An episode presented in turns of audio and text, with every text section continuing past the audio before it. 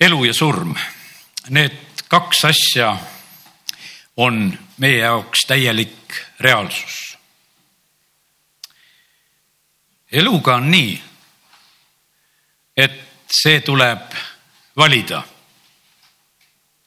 surm, see on reaalsusena kõikide jaoks olemas. sünnime siia sellesse maailma, oleme siin selles kaduvas maailmas, oleme siin selles maailmas, kus kurat on valitsemas, oleme selles pimeduse meelevallas, mis on. ja sellepärast ma sain nagu tänaseks päevaks nagu sellise sõnumi, see on mitu päeva tegelikult nagu mulle nagu tulnud ja tulnud ja sellepärast ma olen võib-olla natukese keerulisemas olukorras, ma püüan nagu seda mitmel päeval saadud nagu kokku panna ja teile jagada. ja, ja toon neid pilte täna siis teie silmade ette, mida jumal on andnud me oleme siin selles maailmas võõrad ja majalised. Apostel Peetrus tuletab seda oma kirjas ka meelde, et see on, see on üks niisugune aeg, kus me elame siin selles maailmas, see on üks niisugune periood ja, ja meil ongi selline nagu üks niisugune kahe vahel asi. et kuidas siis olla? kui me oleme nagu mingid võõrad ja majalised, et kuidas siin äh, selles maailmas elada? ma ütlen, kuule, ela päriselt. ma ütlen sulle, et üldse hakka elama. selle, sellepärast, et äh, jumal on loonud selle maa meile elamiseks.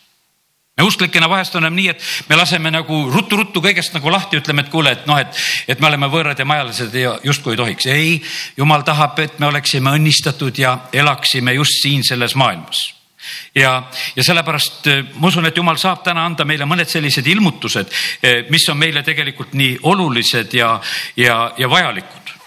Eh, teeme lahti prohvet Jeremiia raamatu ja sellise koha kuskil, mis peatükist me hakkaksime. kakskümmend üheksa on juba natuke kaugel, nähtavasti tuleb natuke varem teha lahti, teeme kahekümne seitsmenda peatüki. Jeremia kakskümmend seitse peatükk. ja Jeremia kahekümne seitsmes peatükk räägib sellest, et Iisrael peab minema Paabeli vangipõlve need kaks pilti nagu kaks niisugust põhilist pilti ja suunda, millest ma täna nagu tahan rääkida, tahan rääkida elust, tahan rääkida surmast. vaata. Egiptusest tullakse välja ja tõotatud maale minnakse. Egiptuses oli orjus. no Egiptuses on üldiselt surm. mis on Egiptuses? püramiidid on, mis asjad nad on? Need on hauakambrid millega seal tegeleti terve elu, võiks ütelda, hauakambri ehitamisega. millega sina tegeled, eks, et piltlikult võib see olla niimoodi, et mõned tegelevad terve elu oma surmaga. mida uhkemalt nagu seda saavutada ja teha. Egiptus on nagu e, selle asja võrdpilt. Need inimesed, kes elavad siin selles maailmas, kes elavad ilma jumalata, nad ehitavad oma püramiide, nad teevad ja tegelevad kogu elu et see surm teha võimalikult ilusaks. teha see sarkofaag, teha see hauakamber, teha see selline, et sinna ei pääseks ligi ja, ja et selles oleks midagi nagu saladuslikku ja mõtlen, et, et äh, ma usun, et kui me natukese mõtleme selle elu peale, mis ümberringi toimub, siis see on üks sihuke surma, surmakultus ja kultuur ja, sest ollakse ju ka surmas, ollakse surmavarjus, ollakse pimeduses ja sellega tegeldakse. ja selle kohta öeldakse, et see on elu no ütleme, et kahjuks on see nii. Jeesus tuleb siia sellesse maailma, ütleb, et mina tulin teile tegelikult elu tooma, ma tulin tooma seda, et teil oleks seda ülirohkesti ja, ja sellepärast on niimoodi, et teine selline, võtame sellise maise pildi, ma räägin praegu nagu nende maiste piltide kaudu, et üks on Egiptuse pilt ja teine maine pilt on täiesti, ütleme, Iisrael, see tõotatud maa. ja mis seal tõotatud maal on? tõotatud maal on elu, seal on piim ja mesi, seal kõik õitseb seal kõik lõhnab. Eh, no sinna nagu tasuks minna. seal on isegi linn taevase nimega Jeruusalemm. et noh, et ütleme, et see on, see sobib täiesti selliseks eh, taeva võrdpildiks eh, siin maa peal sobib Iisrael no ja Egiptus sobib siis ütleme selleks surmapildiks, nagu me võtame sellised, kõrvuti nad seal on ja inimesed käivad nii siin kui seal. kristlased nähtavasti rohkem tahaksid käia Iisraelis, aga Egiptuses on odavam käia ja paljud käivad sellepärast Egiptuses, sellepärast et kuidagi see värk tundub niimoodi, et on kättesaadavam ja et lähme sinna ja oleme seal ja Egiptuses ei ole, võiks ütelda, nii palju sellist vastuolu, mis siis, et surm ja häving on seal ja vahest isegi tapetakse seal inimesi. aga vaata, Iisrael on see vaimulik õhkkond ja sellepärast inimestel on sihuke vahest võib-olla selline vaimne tõrge, et kas me ikka julgeme minna. selle riigi koha pealt ma usun, et väga paljud mõtlevad läbi. mille pärast nad seda läbi mõtlevad? sellepärast, et see on see vaimse maailma surve, et nad mõtlevad seda läbi. ükstapuha, mis maale sa lähed sa ei mõtle nii läbi, kui sa mõtled Iisraeli minnes. ükstapuha, mis maale minnes, ei mõtle sa nii läbi, kui taevasse minnes sa mõtled väga seda tegelikult läbi, kas astuda selle kitsa tee peale, kas minna sinna? Ja sellepärast need kaks asja, elu ja surm, need on reaalselt tegelikult siin selles maailmas olemas. ja, ja nüüd tuleb üks selline võrdpilt, mida ma täna tahaksin jagada siit kõigepealt siis prohvet Jeremiah kaudu. Ja see on Paabeli vangipõlve pilt. vaata, need vangipõlved käivad üle. Noh, oleme praegu Euroopa Liidus, no nimeta, kuidas seda tahad, aga oleme ühes sellises liidus. olime Nõukogude Liidus, neid liitusid on, on erinevate riikide selliseid valitsemise perioode ja vaata, meil on selline võimalus, et no kuidas me nendesse suhtume, kas me hakkame nendes elama või hakkame boikoteerima. kas elame või boikoteerime? ja, ja nüüd on niimoodi, et Iisrael on selle äh, väga kitsa olukorra peal. Nad ei taha muidugi Paabeli vangipõlve minna aga jumal oma prohvet Jeremiah kaudu annab väga selgelt sõnumi, et te lähete sinna, te lähete sinna ja hakkate lausa seal elama te hakkate seal paljunema, teil ei ole seal mingisuguseid probleeme, kui te sinna lähete ja lihtsalt, et mina, jumal, luban seda asja ja, ja ta on. Juuda kuningas Itkia Joosia poja valitsemise alguses tuli Jeremiale issandalt see sõna, ta ütles, issand ütles mulle nõnda, valmista enesele köidikud ja ikkepuud ning pane need enesele kaela läkita need Edomi kuningale ja seal veel Moabi kuningale ja teistele, teistele veel. tead, kui niimoodi eesti keeles ma lugesin, mul jäi segaduseks. Et Jeremia teeb endale ikkepuud, paneb need endale kaela ja siis ta hakkab neid läkitama Edomi kuningale, Moabi kuningale, mõtlesin, kuidas neid jätkub. Vene keeles sain aru, et läkita selliseid ka teistele, nii et ta, need, mis tal oma kaelas oli, ta ei pidanud neid ära läkitama, vaid ta läkitas sarnased, nii et ta tegi rohkem neid ikkepuid ja ta läkitab siis nendele ümberkaudu olevatele kuningatele ka Jeruusalemma juuda kuninga Sitka juurde ja, ja ta käskis öelda, neljas salm, nõnda ütleb vägede issand Iisraeli jumal, öelge oma maa, öelge oma isandale nõnda, mina olen teinud maa. inimesed, loomad, kes on maa peal, oma suure rammu ja välja sirutatud käsivarra abil ja ma annan need sellele, kes minu silmis on õige ja nüüd ma annan kõik need maad oma sulase Paabeli Nebukat-Netsari kätte ja ma annan temale metsloomad eh, teda teenima. Nonii, vaata, kes annab, kes annab? vaata, kallid, maa on jumala loodud maa. ajad ja rajad, Apostel Paulus jutlustab ja räägib, ütleme, teate milleks? selleks, et me otsiksime Jumalat kui jõuad piiriposti juurde, tuleta meelde, see on selleks, et ma otsiksin Jumalat see post tunnistab sellest. ja, ja sellepärast ajad ja rajad on selleks, et me otsiksime Jumalat ja Jumal võib teha pauhti nende aegade ja radade ümbermuutmist. kui mitu aega on käinud üle, ütleme ka Eestimaa. rahad, valitsused, võimud, need on käinud üle Jumal lubab neid asju ja, ja sellepärast, aga me praegusel hetkel mõtleme pingsalt. no ei tahaks, et siin mingi muudatus tuleks aga see pole meie probleem. millisele kuningale ta ütleb järgmiseks, et see on sinu jagu? ta võib seda teha üleöö. Eks Paabeli võim kukkus, pärslased, meedlased tulid asemele. üleöö käib see asi ja sellepärast see ei ole absoluutselt meie probleem. me võime ärgata järgmisel päeval uues riigis see käib nii kähku, sellepärast et lihtsalt me saame seda teada ja kui on ärevamad ajad, siis kuula hommikul uudiseid, sest siis saad teada, kus oled. sellepärast, et see, see lihtsalt käibki täpselt nii, sest ajad ja rajad on jumala käes selleks, et me otsiksime teda ja kui ta näeb sedasi, et me päris ei otsi, siis ta mängib vahepeal need asjad ringi. ja ütles, et ja nüüd tuleb aeg, ütleb Iisraelile ka, et mina olen teinud maa ja nüüd ma annan selle maa eh, oma sulase Paabeli kuninga Nebukat-Netsari kätte. ja ta teeb seda ja siis ta ütleb, et ja rahvast, kes tõrgub teenimast Paabeli kuningat kaheksandast salmist, on räägitud seda. nuhtleb Jumal mõõga, nälja ja katkuga, kes ei taha Paabeli kuningat teenima minna, neid lausa Jumal nuhtleb. ja, ja siis on jutt sellest, et on palju selliseid äh, valeprohveteid, ärge neid kuulake, sest valeprohvetid püüaksid rääkida midagi paremat äh, sellest, mida jumal on tegemas. ja, aga see rahvas, äh, üksteist salm ütleb, aga selle rahva, kes viib oma kaela Paabeli kuninga ikke alla ja teenib teda, jätan ma oma maale, ütleb issand ja ta võib harida ning elada seal maal. ja, ja sellepärast siin on öeldud kaksteist veel, anna oma andke oma kaelad Paabeli kuninga ikka alla ja teenige teda ja tema rahvast, siis te jääte elama ja ärge kuulake neid valeprohveteid ja, ja ärge rääk, kuulake neid, kes räägivad, et varsti tuuakse issanda koja riistad tagasi.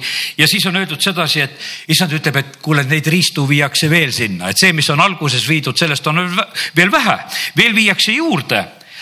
Ja need viiakse, kakskümmend kaks salm ütleb sedasi, need viiakse Paabelisse ja need jäävad sinna selle päevani, millal ma tunnen muret.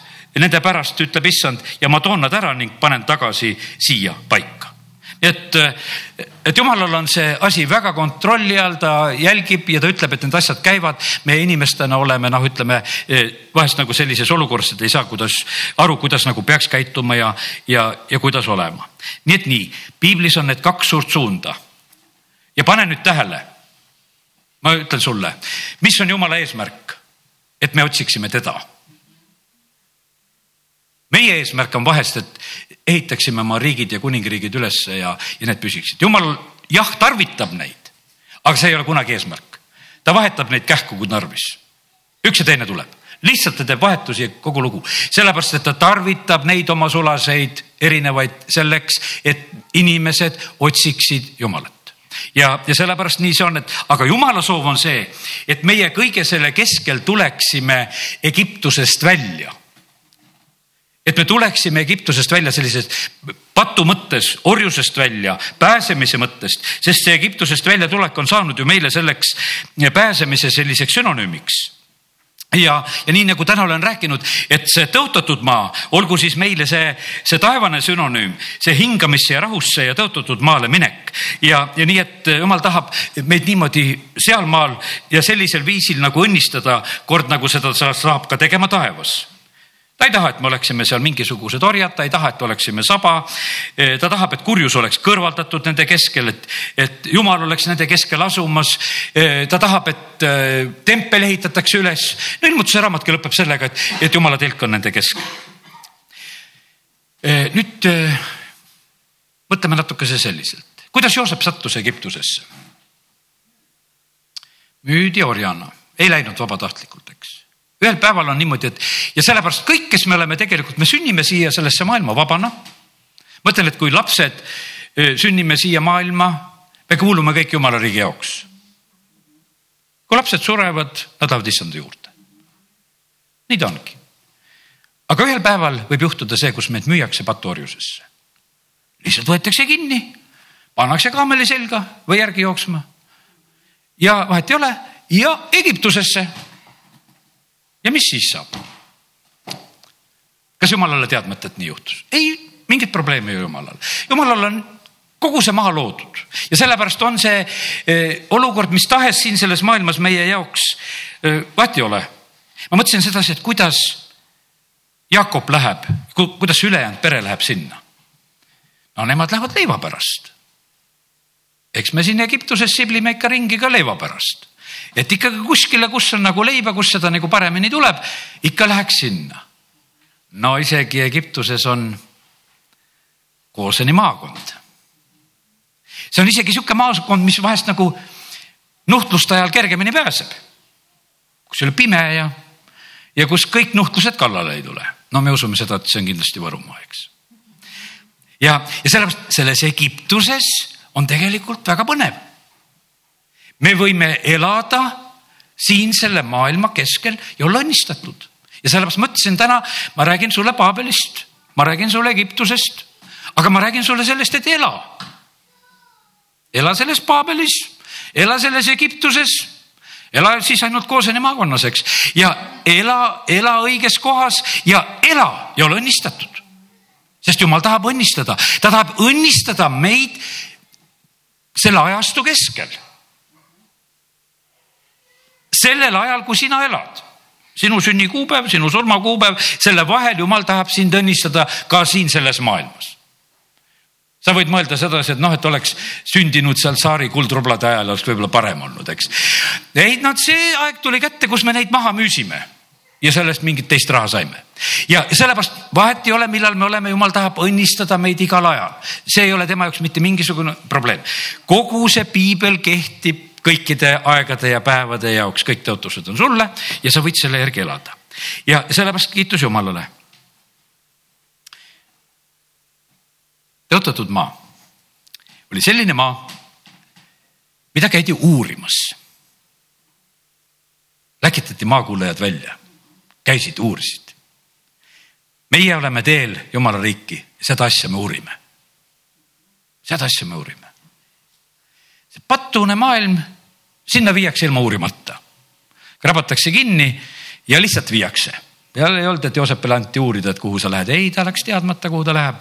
lihtsalt kaamliselge, lihtsalt lähed. või siis lähed oma leivatüki pärast ja lihtsalt lähed. jumal ütleb, ei, mul ei ole mingit probleemi. ma isegi selle orjuse keskel ma kasvatan oma rahva ja ma toon ta sealt välja ja sellepärast Jumal ei ole absoluutselt mingisuguses probleemis, et me oleme siin selles maailmas. ta tahab siin päästa, ta tahab vabastada, ta tahab õnnistada siin paganate keskel, selle kurjuse, selle kaose keskel ja kiitus Jumalale. ja, ja kiitus Jumalale, et, et vahest on need sellised paremad ajad no kas me ei tahaks uskuda, et meil tuleb parem aeg, et kui tulevad sügisel valimised, me saame jälle sellise linnapea, et tunned, et saad hingata, et saad olla õnnistatud, me seda tahame, palvetame selle pärast ja me seda tahamegi ja presidentide vahetused, ütleme siin, mis Eestis on toimunud, ütleme, mina ütlen täitsa julgelt seda, et kui Arnold Rüütel sai presidendiks, see oli vaimulik vabanemine. see mees ei rõhunud meid ta ei rõhunud meid vaimulikult, see oli kergendus, mis oli. sest ta ei koogutanud kuskile, ta oli selle maa mees. ta ei koogutanud mitte kuskile, ta julges siin olla ja elada. Ta julges seda. ja sellepärast mul on hea meel, et koos temaga panime Võrus spordihoonele nurgakivi tema käis seda panemas, ma ootan ikka, millal me saame seal jumalateenistusi pidada ta andis oma valge kinda mulle, ma võtsin selle ära, ma ei mäleta, kas mul see alles, sest ta tõmbas kinda käest ära ja ütles, et kes tahab. ma ütlesin, mina tahan. tõmbasin selle kinda endale ja, ja, ja läksin ka seda mörti sinna panema. sest et mul oli ka sees õigus, et ma tollel hetkel sain seda mörti panna seal. Mina panin seda selles usus, et me saame seal jumalat kummardada. see oli, see oli üks lihtne president meil. kui täna need Arnoldist hakkasin rääkima ma mäletan Kandlaias, kui Võru üks aastapäev oli seal ja ta oli ka seal kohal. ma olin ka siis valitsuses sellel ajal ja no mina panin pastori särgi selga, mida ma harva tarvitan, panime selle musta särgi selga selle väikse valge tükiga. no mina sain minna presidenti tervitama ja ta rääkis minuga, neid lipsuga mehi oli väga palju. Nendega ta kõigiga ei jõudnud rääkida. teised ütlesid, sina saad rääkida, et kuidas sa saad. no sellepärast saan. ja, ja, ja selle, ja sellepärast kallid, nii see on, et, et jumal teeb tegelikult asju väga-väga huvitavalt. ja sellepärast me oleme täna sellises usus, et meil on sama tark Jumal täna me ei pea absoluutselt pabistama, mis olukorrad on, eh, kuidas asjad kujunevad, lähevad, sest tegelikult tema eh, ajab neid asju. ja, ja kui mõned kuningad, keda me igatseme, teate, mis siis saame? me saame rahu, me saame hingamist. mõne kuninga ajal oli seda, no teine viib vahest kõik selle minema absoluutselt viib kõik selle minema, nii et ei ole mingi tasu ega rahu, vaid aina üks kaos on. aga teine tuleb, toob eh, selle Salomi kohale, Salomon oli see, kes seda väga võimsalt tõi kohale. teate ja siis on niimoodi, et rikkusel on niisugune omamoodi asi, vaata õnnistuse, rikkuse, need käivad nagu koos. kui eh, mu poja pere käis hiljuti siin Peterburis, siis nad käisid seal Ermitaažis ja teate, vaata, see on üks niisugune, no niisugune rikkuse pesa. ja teate, mis on rikkuse pesa niisugune omadus? sinna saab sisse raha eest. välismaalane maksab seitsesada rubla, et käia seal seda vaatamas. rikkus toob rikkust kokku ja Salomoni juures oli täpselt seesama lugu, tuldi igal aastal vaatama ja kõik tõid ande. loe seda. Salomonil lihtsalt tarvis olla rikas, et teised tooksid kogu aeg rikkust. me vahest mõtleme, sul juba küll, et ei anna. ei, sellepärast rikkal tuleb alati anda, see on jumala seadus, rikkal on rikka õnn, temal on kogu aeg niimoodi, et kui on kuskil juba rikkus, siis see tuleb lihtsalt otsa, seda tuuakse, ei teagi millegipärast, aga lihtsalt tuuakse, sest see on jumala seadus. ja see on, see on nii põnev tegelikult ja sellepärast tasub olla jumala õnnistatud jumala kartus on tegelikult selleks õnnistuseks, oma vaeva ei lisa sinna mitte midagi juurde meil tasub olla rikkad jumalas ja tegelikult sellega kaasneb nagu kõik see, mis on vaja. kallid, täna on niisuguseid mõtteid mul, ma näed, äh, räägin üle mitme päeva mõtteid. me võime elada niimoodi, et me raiskame, et kõik lõpeb ära. see on niimoodi, et rahakotis on nagu auk. kogu aeg on nagu tühi käes. see on variant elamiseks. Ja osad inimesed elavad nii ja teised ei ela nii. millest see sõltub? see tegelikult sõltub jumala õnnistusest. seal prohvet Agai ütleb, et kuule, et jumala koda on korrast ära, tehke jumala koda korda, siis näete, et sellest päevast tuleb õnnistus. ja, ja prohvet julges välja rääkida, et te võite kuupäevaliselt vaadata, mis päevast teile õnnistus tuli. Jeesus julgeb samamoodi ütelda Sakkuse kojas, et kuupäevalises, et tänasest päevast on õnnistus ei ütle, et kuule, et vaatame kümne aasta pärast, et kas sul läheb vähe paremini. ei, ta ütleb, et jaga laiali täna rahuga, aga sa näed, et tänasest päevast on õnnistus. ja, ja sellepärast on see nii, et, et Abraham ja Lott lähevad, noh, Lott oli seal Abrahami tuules oli õnnistatud. Iisak oli see mees, kes läks rikkamaks ja üha rikkamaks, kuni ta oli läinud väga rikkaks, kirjutatud seal kuskil esimese Moosese kakskümmend kuus. et eh, ta on seal vilistide keskel põud on. ja temaga juhtub see ja teate, millal sa lähed rikkamaks? sa lähed rikkamaks siis, kui sa elad. aga kui sa ei ela, sa rikkamaks ei lähe ma mõtlen selle sõna all, elamise all, ma mõtlen seda, et sa täiesti normaalselt elad, nii nagu need siin Paabeli vangipõlves. E, mis, mis nad seal tegema pidid? E, loeme seda võib-olla, nüüd ma tulen tagasi siia selle juurde. E, kakskümmend üheksa peatükk teeme nüüd lahti nõnda ütleb neljas salm, vägede issand Iisraeli jumal vangidele, keda ma olen Jeruusalemmas lasknud viia vangi Paabelisse. ehitage kodasid, elage neis, istutage rohuaedu ja sööge nende vilja võtke naisi ja laske sündida poegi ja tütreid, võtke oma poegadele naisi ja pange oma tütred mehele, et nad sünnitaksid poeg ja tütred, paljunege seal, ärge vähenege. Taotlege selle linna heaolu, kuhu ma olen lasknud teid viia ja paluge selleks issandat, et selle hea põli on teie hea põli. aga teate, me ei oska seda alati. meil on niisugune tunne, et me elame sellisel maal, kus me ei tahaks, et nad oleksid õnnistatud.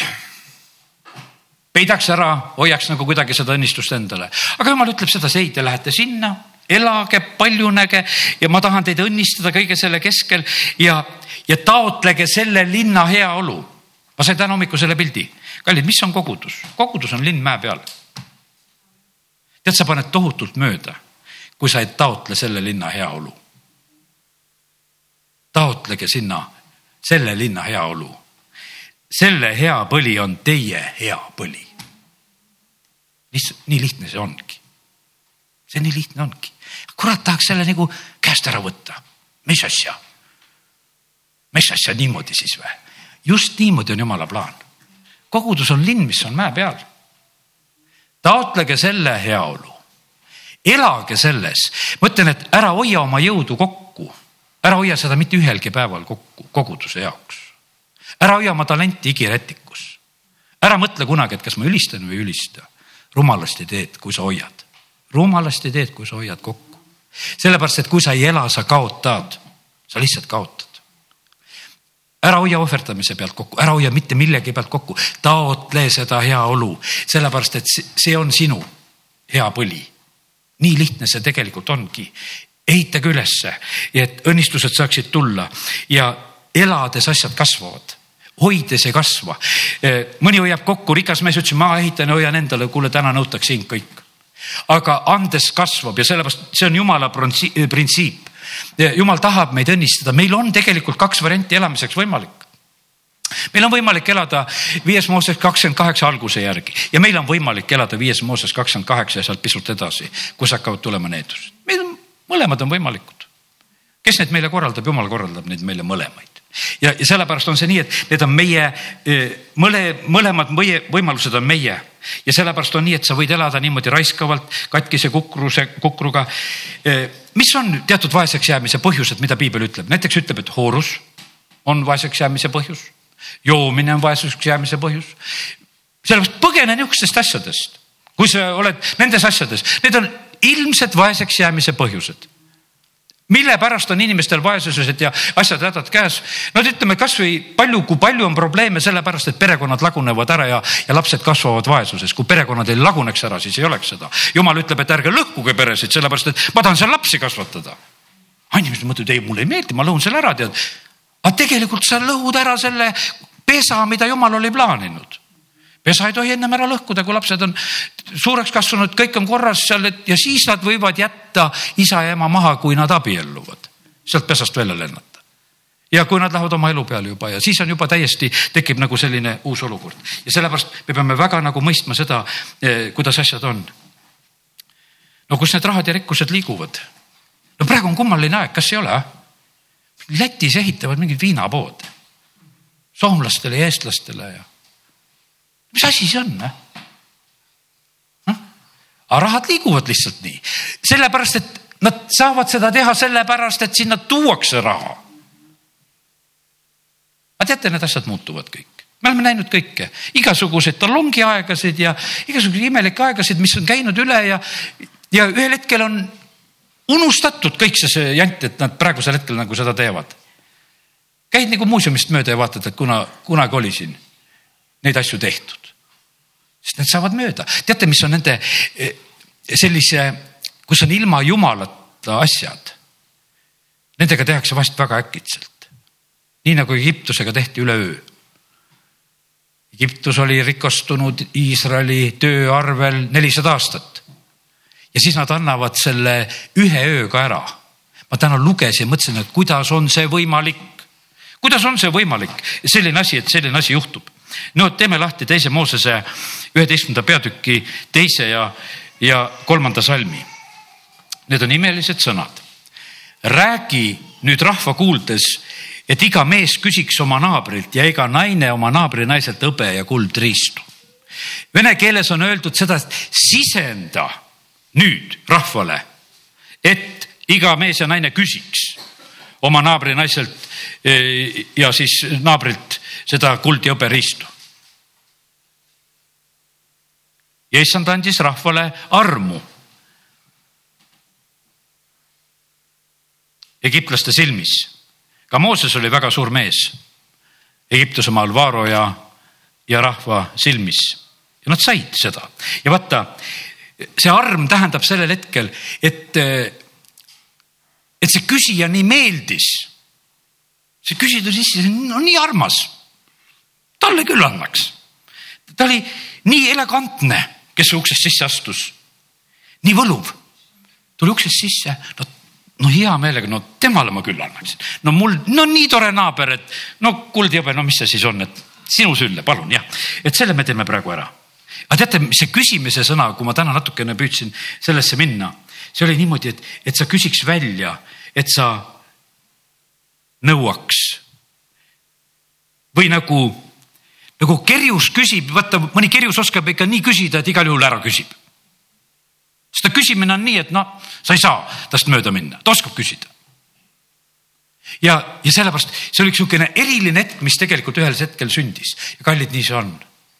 me elame siin selles maailmas, ma räägin, see on, see on Egiptusest väljatulek jah, paganad siin mässavad ümberringi, teevad ja paigutavad oma varandusi ja püüavad neid äh, kaubelda ja kätte saada siit ja sealt. aga teate, ühel hetkel on niimoodi, et nagu sõna ütleb, et paganate rikkused tulevad ja tead, need lihtsalt antakse, need lihtsalt tulevad. kallid, ühel päeval on niimoodi, et, et kui Jakob on Laabani juures, tal tulevad nagu mõtted pähe, et, et läheksid minema. ja, ja kus koha peal need mõtted on need mõtted on esimese Moosese kolmekümnendas peatükis ja kakskümmend viis ja sealt edasi salmil, loeme natuke siit ka sõna. kui Rahel oli Joosepi ilmale toonud, siis Jakob ütles Laabanile, lase mind, et ma saaksin minna koju ja oma kodumaale. no ütleme, siin on üks huvitav asi on, et äh, rikkad ja ilusad on need filmisarjadki on olnud sellised, eks. Lea ei olnud ilus. Lea ei olnud säraga, aga Lea oli ema, kes sünnitas muudkui lapsi. ja nii. Rahel oli väga ilusa jumega, suure vaevaga sai oma lapse kätte. ja, ja noh, siis teise juures veel lausa sureb aga kui Joosep oli sündinud, noh, see oli väike kõrvalepõige praegusel hetkel nagu selles mõttes. aga, aga nii ta paraku siin selles maailmas on, jumal on väga tasakaalustaja, jumal, ma usun, et sellel teemal tuleb varsti jutlus, et vaata, ta tasakaalustas, ta tasakaalustas seda Rahelit ikka tükk aega, ennem kui ta lasi tal nagu teatud positsiooni saada. aga olgu, see ei ole tänane jutlus. kui Rahel oli Joosepi ilmale toonud, siis ütleb Jakob Laabanile, lase mind, et saaksin minna koju oma kodumaale ja ma tahaksin hakata minema anna mu naised ja lapsed, kelle pärast ma sind olen teeninud ja ma lähen, sest sa ju tead ise, kuidas ma sind olen teeninud. Laaban vastas temale, kuidas ma nüüd sinu silmis armu leiaksin. märgid näitavad mulle, et issand on mind sinu pärast õnnistanud. kas sa seda märkad, et jumal sind õnnistab? me oleme vahest spetsialistid, Aleksei viimane jutlus on üks selline, et ütles, et me näeme kõike seda, mida kurat teeb ja teised inimesed teevad aga seda meie ei märka, mida jumal on püüdnud meile teha. et seda nagu ei märka ja sellepärast on nii, et aga Laavan märkas, et äh, jumal oli teda õnnistanud Jakobi pärast. et kõik need märgid näitavad mulle, et issand on mind sinu pärast õnnistanud. ja, ja ta küsib, et kuidas ma võiksin sinu silmis Jakob armu leida. nimeta mulle oma palk ja ma annan selle sulle siis ta vastas temale, see naise tead, kuidas ma sind olen teeninud ja mis on saanud su karjast minu, minu juures. Noh, Jakob ka tunnistab, ütleb, su kari on tõesti kasvanud. jumal on õnnistanud, et ma olen olnud su juures, sest pisut oli seda, mis sul oli enne mind, aga see on ohtrasti kasvanud. issand on sind õnnistanud minu sammude läbi. millal ma siis nüüd saan hoolitseda oma pere eest? siis ta küsis, mis ma pean sulle andma? Jakob vastas ära anna mulle midagi. Kui sa lubad mulle, siis ma karjatan, hoian veelgi su lambaid ja kitsi. vaata, pane tähele, see on seesama printsiip, millest ma püüdnud sulle rääkida, et ela, surm ja elu, ela. ja Jakob ütleb, et aga luba mul veel teha tööd ja elada, ma muud ei tahagi ma ei küsi su käest lihtsalt, anna, anna, anna mulle kõike nüüd seda, hakkame jagama seda, ei, ma ei taha sedasi. aga ma tahan veel elada, sest ma tean, et, et see on see printsiip, kus jumal tahab õnnistada. ja ma hakkan elama veel sinu juures nüüd ja, aga ma olen nüüd välja rääkinud juba selle, et ma tahan minema hakata. ja, ja ta teeb seda. ja, ja siin on eesti keeles on öeldud niimoodi, et kolmkümmend kaks salm, et ma täna käisin läbi kõik su lambad ja kitsed lahutades kõik eh, tähnilised kirjututed ja kõik mustad ja noh, räägib nendest, et need olgu mulle palgaks või autasuks tegelikkuses on niimoodi, et, et vene keeles on pandud teises mineviku või tuleviku vormis, et ma täna teen seda. et see ei olnud nagu nähtavasti ette käidud asi, aga noh, see ei olegi nii, nii tähtis nüanss. sellepärast, et kui me natuke edasi loeme, teate, teate, mis oli? Jakobil olid unenäod. ta tegelikult juba valdas täiesti teemat, mis on tulemas. ta teadis nendest kirjutest ja tähnilistest ja värkidest ja, ja ta tegelikult vaatas seda karja, mõtles, et oot-oot-oot, et siin need asjad hakkavad tegelikult sündima. aga sellel hetkel oli need mustad ja kirjud ja tähnilised ja need olid vähemuses. ja Jakob valib julgelt seda vähemust. no Laaban mõtleb, no on aga sõber hea, et ta võtab nagu selle noh, sihukese viletsama osa vabatahtlikult praegusel hetkel endale. aga arvestamata sellega, et Jakobi juures oli õnnistus. Jakob oli see, kes elas ja tegi tööd. ja sellepärast ela, tarvita oma talente, tee tööd ja sa oled õnnistatud.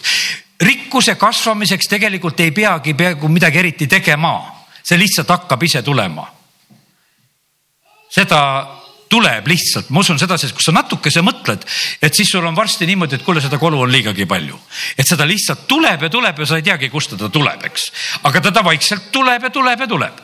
ja see ja sellepärast, et ära sa selle pärast kunagi muretse, kui sa elad, siis see tuleb. no ja siis Laaban vastas hästi sündigu su sõna järgi kolmkümmend neli salm. ja ja väga huvitav on see muidugi kolmkümmend kolm salm ka, kus on öeldud ja mu õigus kosku minu eest tulevikus, kui sa tuled mu palka vaatama. kõik, kes ei ole tähnilised kirjud ja kitsede hulgast ja mustad tallede seas, loetagu minu poolt varastatuks. autasu, see räägib minu aususest ja sellisest õiglusest ta ütles, et, et nüüd on see, mis hakkab sündima, nüüd hakkab ausus ja õiglus esile tulema.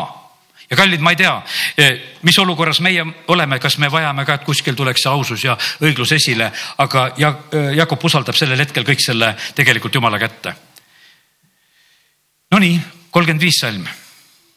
ta lahutas sel samal päeval siis vöödilised kirjud sikud, kõik tähnilised kirjud kitsed, kellel oli valged küljes ja kõik mustad tallede seas ja andis need kuhu? oma poegadele. Need andis oma poegadele, halleluuja. kiitus Jumalale, kui on poegi, saab anda, eks. andis need oma poegadele, aga ise ta läks tegelikult Laabani karja juurde. jättis kolme päeva tee enese Jaakobi vahele. ja, ja jäi siis äh, karjatama, Jakob jäi karjatama Laabani ülejäänud lambaid kitsi.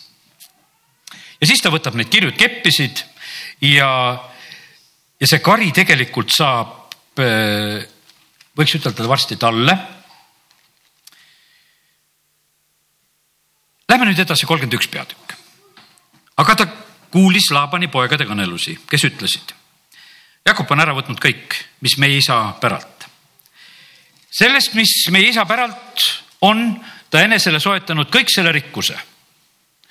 ja Jakob nägi Laabani palet ja vaata, see ei olnud enam tema vastu nagu enne nägu noh, peegeldab, nägu peegeldab, me kõigi elus on nii, et nägu on üks hea peegeldaja, ta näitab, mis tegelikult on. aga issand ütleb sellel ajal Jakobile, mine tagasi oma isademaale, oma sugulaste seltsi, mina olen sinuga.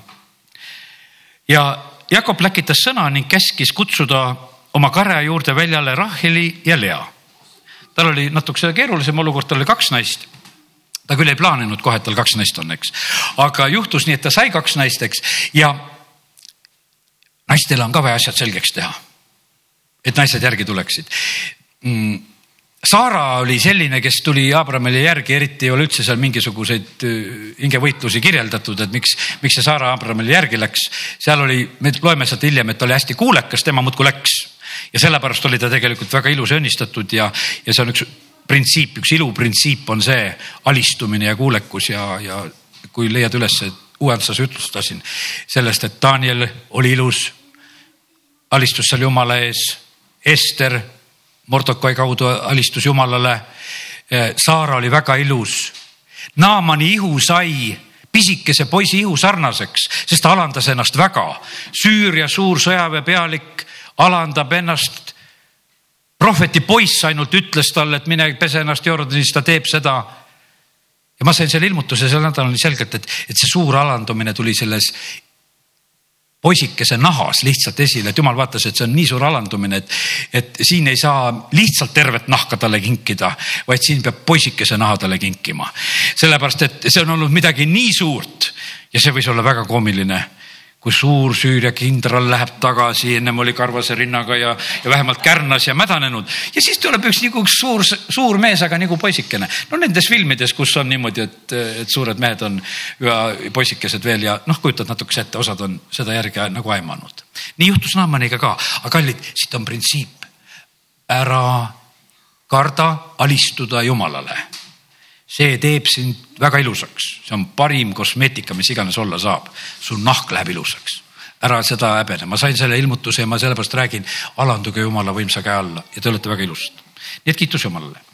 aga no nüüd jäi meil raskema koha peale lugu, et Jakob mõtles, et kuidas ma naistele saan selgeks teha. et hakkame siit minema, ikkagi isa kodus ju kogu aeg elatud, aastad on läinud. ja ta kutsub naised enda juurde väljale ja hakkab rääkima ning ütles neile, ma näen, et teie isa palgast, et või vabandust, mitte palgast, vaid palgest. ma näen teie isa palgest, et ta ei ole enam mu vastu nagu enne. aga mu isa jumal oli mu juures. Te ju teate, et ma olen teeninud teie isa kõigest väest. kuid teie isa narritas mind ja muutis mu palka kümme korda. jumalaga ei ole lubanud teda mulle kurja teha ja siis ta räägib nendest tähnilistest ja, ja, ja kirjutest, kuidas need talle said. üheksas salm, nõnda võttis Jumal teie isa karja ja andis mulle. ja, ja siis ta räägib oma unenäost, mida ta vahepeal oli näinud ja kuidas see asi nagu oli sündinud ja ka sellest, et issand on kutsunud, et mine nüüd tagasi, kolmteist salm. ma olen Peeter Jumal, kus sa võitsid samba, kus sa andsid mulle tõotuse, võta nüüd kätte, lahku siit maalt ja mine tagasi oma sünnimaale. ja vaata, naised saidki aru. Rahel ja Lea vastasid ning ütlesid. noh, kas meilgi on enam osa või omandit meie isa kojas? eks ta pidanud meid võõraks, kuna ta meid müüs sest need mõlemad tütred olid ikka kõvasti müüdud, mõlema eest seitse aastat vaja teenida. nihukesed müügikaubad olid nad seal kodus, sinu eest seitse aastat, sinu eest, siis ma mõtlesin, et kuule, ma müün su maha seitsme aasta palgahinnaga. ma tahan raha saada, ma müün maha su sellele, no hea küll, no teise ka müün maha, vaata ühte tahtis, aga ma tegin topelt, ma olin ikka kaval ärimees, tegin topelt ära. no ja tütred ühel hetkel silm läheb lahti kuule, me, me oleme mingisugused kaubad siin kodus olnud, meid on kallilt müüdud ja meie pärast see jant on siin sündinud ja meil ei ole ka siin midagi muidugi. eks ta pidanud meid võõraks. see on jube asi, kui sa ühel hetkel avastad, et sa oled oma kodus, oled võõras. aga seda avastatakse muideks. Seda vahest avastatakse, see on väga valus. parem, kui sihukest avastust sul ei tuleks. aga need tüdrukud samamoodi avastasid, et eks ta pidanud meid võõraks, kuna ta meid müüs ja ise muidugi ka meie hinna ära sõi. nii et müüs ja sõi, ma ei tea, kui paks see Laaban oli, ma ei oska ütelda, aga igatahes tütred ühel hetkel silmad lahti, no on aga tegelane, sööb ja müüb ja nüüd ongi see nii. ja naised on nõus, jah, kõik see rikkus, mille jumal me isalt ära võttis, on meie ja meie laste oma. ja nüüd tee kõik, mis jumal sulle on öelnud ja vaata, kuidas nüüd Lea ja Rahel usaldavad Jakobit ja ütlevad, et kuule tee nüüd kõik. vaata, see on eh, vahest väga oluline ja tähtis asi, kui pered peavad liikuma saama või et tee nüüd kõik. ja usaldavad Jakobit, Jaak võttis kätte, tõstis oma naised ja lapsed eh, kaamelite selga ja saatis teele. Kasutas ära süüdlase Laabani teadmatust ja põgenes koos sellega. ja siis me teame sedasi, et no Laaban ühel hetkel ärkab, tuleb järgi, aga talle näidatakse unenägu, ütles, et kuule, sina lähed järgi ja sa ei ütle mitte ei head ega halba, sest need asjad on tegelikult minust sündinud. kallid, elage ja valige elu. Eh, tehke nagu selliseid õigeid valikuid ja otsuseid, et kus suunas te tegelikult liigute. Ärge ehitage siin selles maailmas püramiide, ma ei tea. oh, tahaks nii lugeda. võta natuke ikka aega. ja ma loen neid sõnumeid, mida olen saanud ka nagu ja ikkagi jagan täna nii, kohe ütlen, mis, mis koha pealt ma hakkan pihta. üheteistkümnendal augustil sain sellised sõnad ja jaksate veel kuulata? Ma usun, et see ei ole raske kuulamine, mis nüüd tuleb, ma usun, et seda on hea kuulata. Ahab sünni, süüdistas kolm pool aastat Eeliat, et tema on põuas süüdi. kui sul on kuskil vastasseis siis on see sõnum nagu sulle. Ahab süüdistab, et Eelia on põuas süüdi, noh, sest Eelia ütles, et noh, et minu sõna peale sajab vihma või ei saja ja, ja see tundus kuidagi nii otseselt. Eelia süüdistas talle julgelt vastu. Ütles, et sinu soo pärast on see asi, eks. ja selle vastuseisu lahendasin mina Karmeli mäel, ütleb issand. oota Karmeli mäge, tulevad lahendused, sest issand lahendab. aga sa pead ootama aega praegu võib-olla on isegi vahest parem, kui sa mõnes asjas pead nagu ootama. see on vajalik nii. Eh, pidin Eeliat samuti julgustama ja tagasi hoidma eh, sellise enneaegse tegutsemise eest. vastasseis, see olukord pidi küpsema mina tean aega, sina ei pea tegelema aja planeerimisega. ütlen sulle, millal on aeg midagi teha või öelda. ütlen seda vahele, tegelikult on sõnumid mulle väga isiklikult, aga ma olen täiesti kindel selles, et issand on öelnud mulle väga julgelt seda, et, et see, millega ma sind toidan, mida ma sulle ütlen, toida julgelt oma kogudust. Need on neile ka. palveta ja lõika läbi hingelisi ja emotsionaalseid sidemeid pidevalt, et saaksid mind kuulda. Muidu täidab see olukord asjatult sinu mõttemaailma, no mis on kellegi olukord, noh, mille kaudu vahest nagu kogu aeg aga muudkui tuleb sulle peale. lõika talle läbi, ütled, teeme täna jälle kõik vabaks. Iisraeli peretulek nagu me nüüd oleme hakanud nimetama, et üks pere pidi augustis meile tulema, nad oleksid juba noh, ütleme võinud olla täna meil siin jumalateenistusel, eks. Teile küllatulek oli süütu teema teiste mõtete mõtlemise tarvis sa näed, kuivõrd ma hoolitsen teie eest, ma hoolitsen isegi teie mõtete eest. No ma pidin mõtlema, otsisin Google'is ja kohas, et kuhu hotelli ja kuidas ja kuidas lahendada ja küll ma kammisin ja mõtlesin ja otsisin telefoninumbreid ja võimalusi ja ma tegelesin nagu ikka järjest ja järjest sellega, et kuidas ma asja lahendan, miks ma ei saa vastuseid ja kuidas ma asju lahendan. ja teate, mis on? hiljem issand ütleb, et aga see oligi selleks sulle, et kuule, et noh, see on niisugune hea süütu teema, et ma panin sulle nagu mingi mõtlemismängu, et mängi sellega. Ja sellega ei tee sa kellelegi halba. Ja, ja tead, et tegele sellise asjaga, mida ei tulegi, aga, sa oled ka muremõtetest vaba või muude asjade lahendamisest vaba, et need pinged, mis sul kuskil mujal on, et noh, ma lihtsalt võtan sul niisuguse ülesandega, ma leidsin, et, et see oli nagu üle jõu käiv ülesanne, et, et kümme päeva siin võtta peret vastu ja et nendel veel oleks tore ja, ja lõbus ja, ja, ja kõik oleks tulevad, et mõtlesin, mismoodi ma sellega hakkama saan. siis olin Albertile ütelnud jah sõna, et ma teen selle kõik. Mismoodi ma küll seda teen. aga see oligi ainult õppus ja teate, aga muist mängisid seda mängu minuga kaasa muist guugeldasid ka, kes tahtsid mind aidata. Nende mõttemaailma täitis see ka. halleluuja, ise tead, kes sa olid, kes sa seda tegid, aga see ongi niimoodi, et vaata, see on see koguduse värk, me oleme koos. Kes ei hoia ennast tagasi, kes kulutab, kes ei hoia oma talente, ei pista igirätikusse, ei mata maha, vaid taotleb selle linna heaolu, see teebki nii. nii isegi meie mõtete eest hoolitsetakse. ma tänan Jeesust, et äh, sa ajad nii asju nii imeliselt meie koguduses ja meie peres. sa paigutad inimesi ümber, komplekteerid Võru koguduse jaoks inimesi. ja siis see on selline, issand tuletab meelde, ütleb, et nii nagu kolmkümmend aastat tagasi te tulite Võrru selle koguduse jaoks kasutasin selleks väliseid olukordi maailmas, õndsaid pahandusi jutumärkides. näiteks töökohas oli meil Tallinnas, kus ma töötasin, selline õnnis pahandus, mille kaudu ma sain nagu liikuma.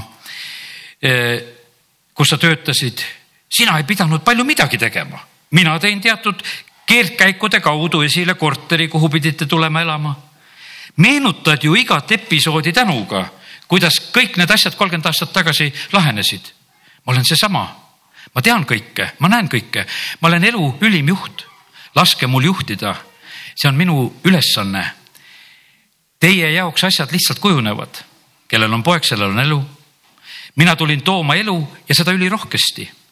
eluga seotud asjad lahendage julgelt minu juures.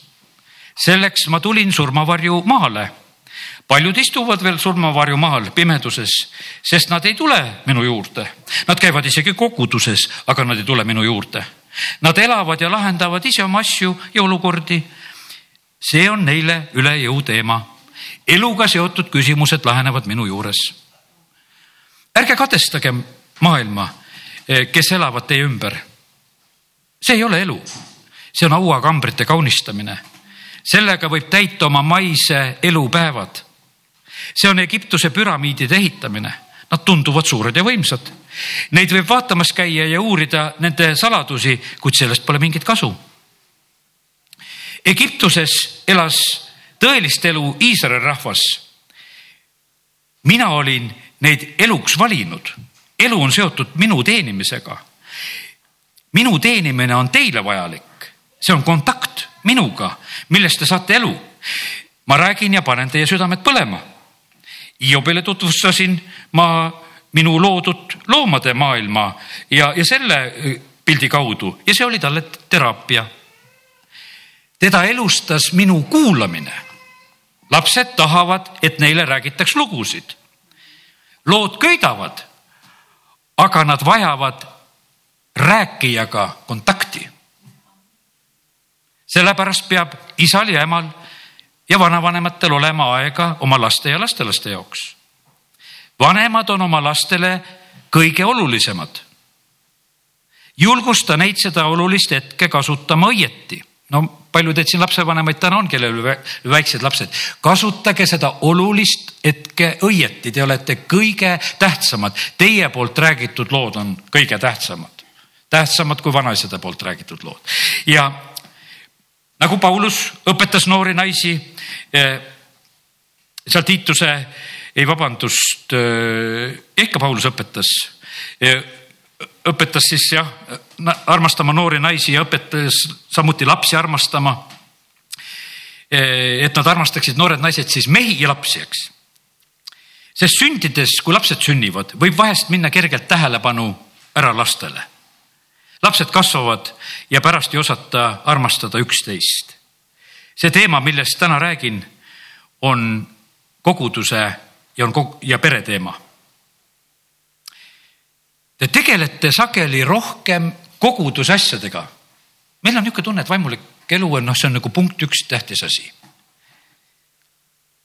esimese Korintuse kolmteist ei ole ainult pulma ajal lugemiseks.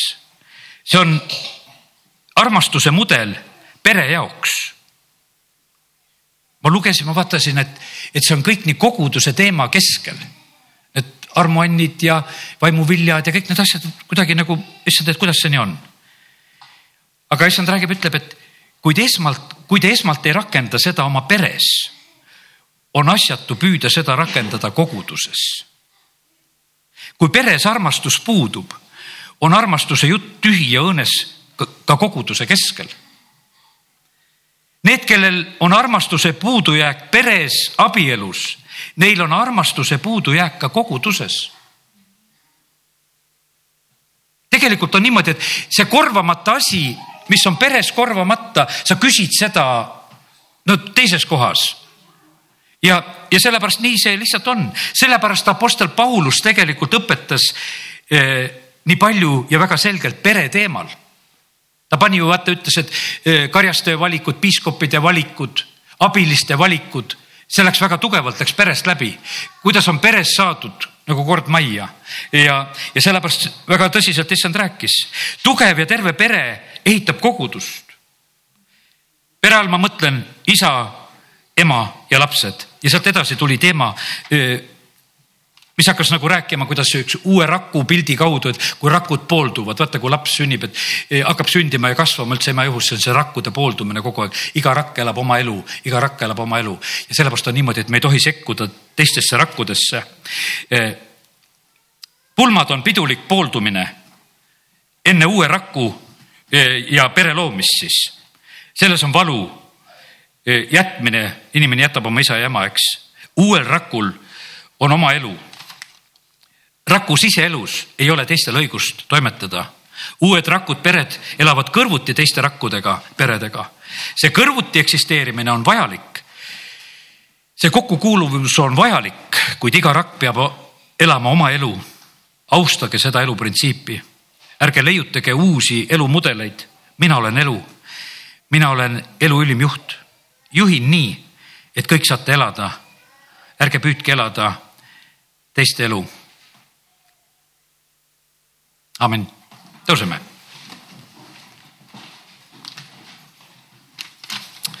isa, ma tänan sind. et meie ees on surm ja elu, aga meie ees on ka valik. me täname sind, Jumal, et sa saatsid oma poja siia sellesse maailma nii selgeks elumudeliks. kellel on poeg, sellel on elu isa, ma palun, et valgusta sina meie südamete silmi täna selle sõnumi kaudu, mis on jagatud valgusta nende südamete silmi, kes seda sõnumit järelkuulavad või on kaasa kuulanud. jumal, me täname sind, et, et su püha vaim on aitamas, et see, milleks sa oma sõna oled välja läkitanud, et, et see saadab korda seda, mis on tarvis. ja ma tänan sind, Jumal, et tuleb rohkem elu esile, tuleb rohkem vilja esile, tuleb rohkem seda tulemust esile. Jumal, me täname, kiidame, ülistame sind. ja aita meid lahti lasta sellest kaduvast ja surmast ja et me ei oleks oma elu lihtsalt mingite hobide ja ilusate tühjade asjadega kaunistanud, vaid issand, me täname sind, et me võime tulla sinu juurde ja seda kõike omada, mis on vaja. see kiitus ja tänu ja ülistus sulle. ma tänan sind, Jumal, et sa oled täna rääkinud meile seda sõnumit. sa oled täna meid kutsunud ülesse, et me kasutaksime aega õieti oma pereelus ja koguduselus. Aita meid igal päeval tasu, kasutada maksimaalselt seda, mis sa meie kätte oled andnud. nii nagu sa mulle ütlesid, et see manna, mis ma sulle annan, jaga kohe laiali, homme see enam ei kõlba. issand, olen püüdnud täna sinu abiga seda edasi anda. ma tänan sind, et see on õnnistuseks ja toiduks sellele rahvale, kes on täna siin. aamen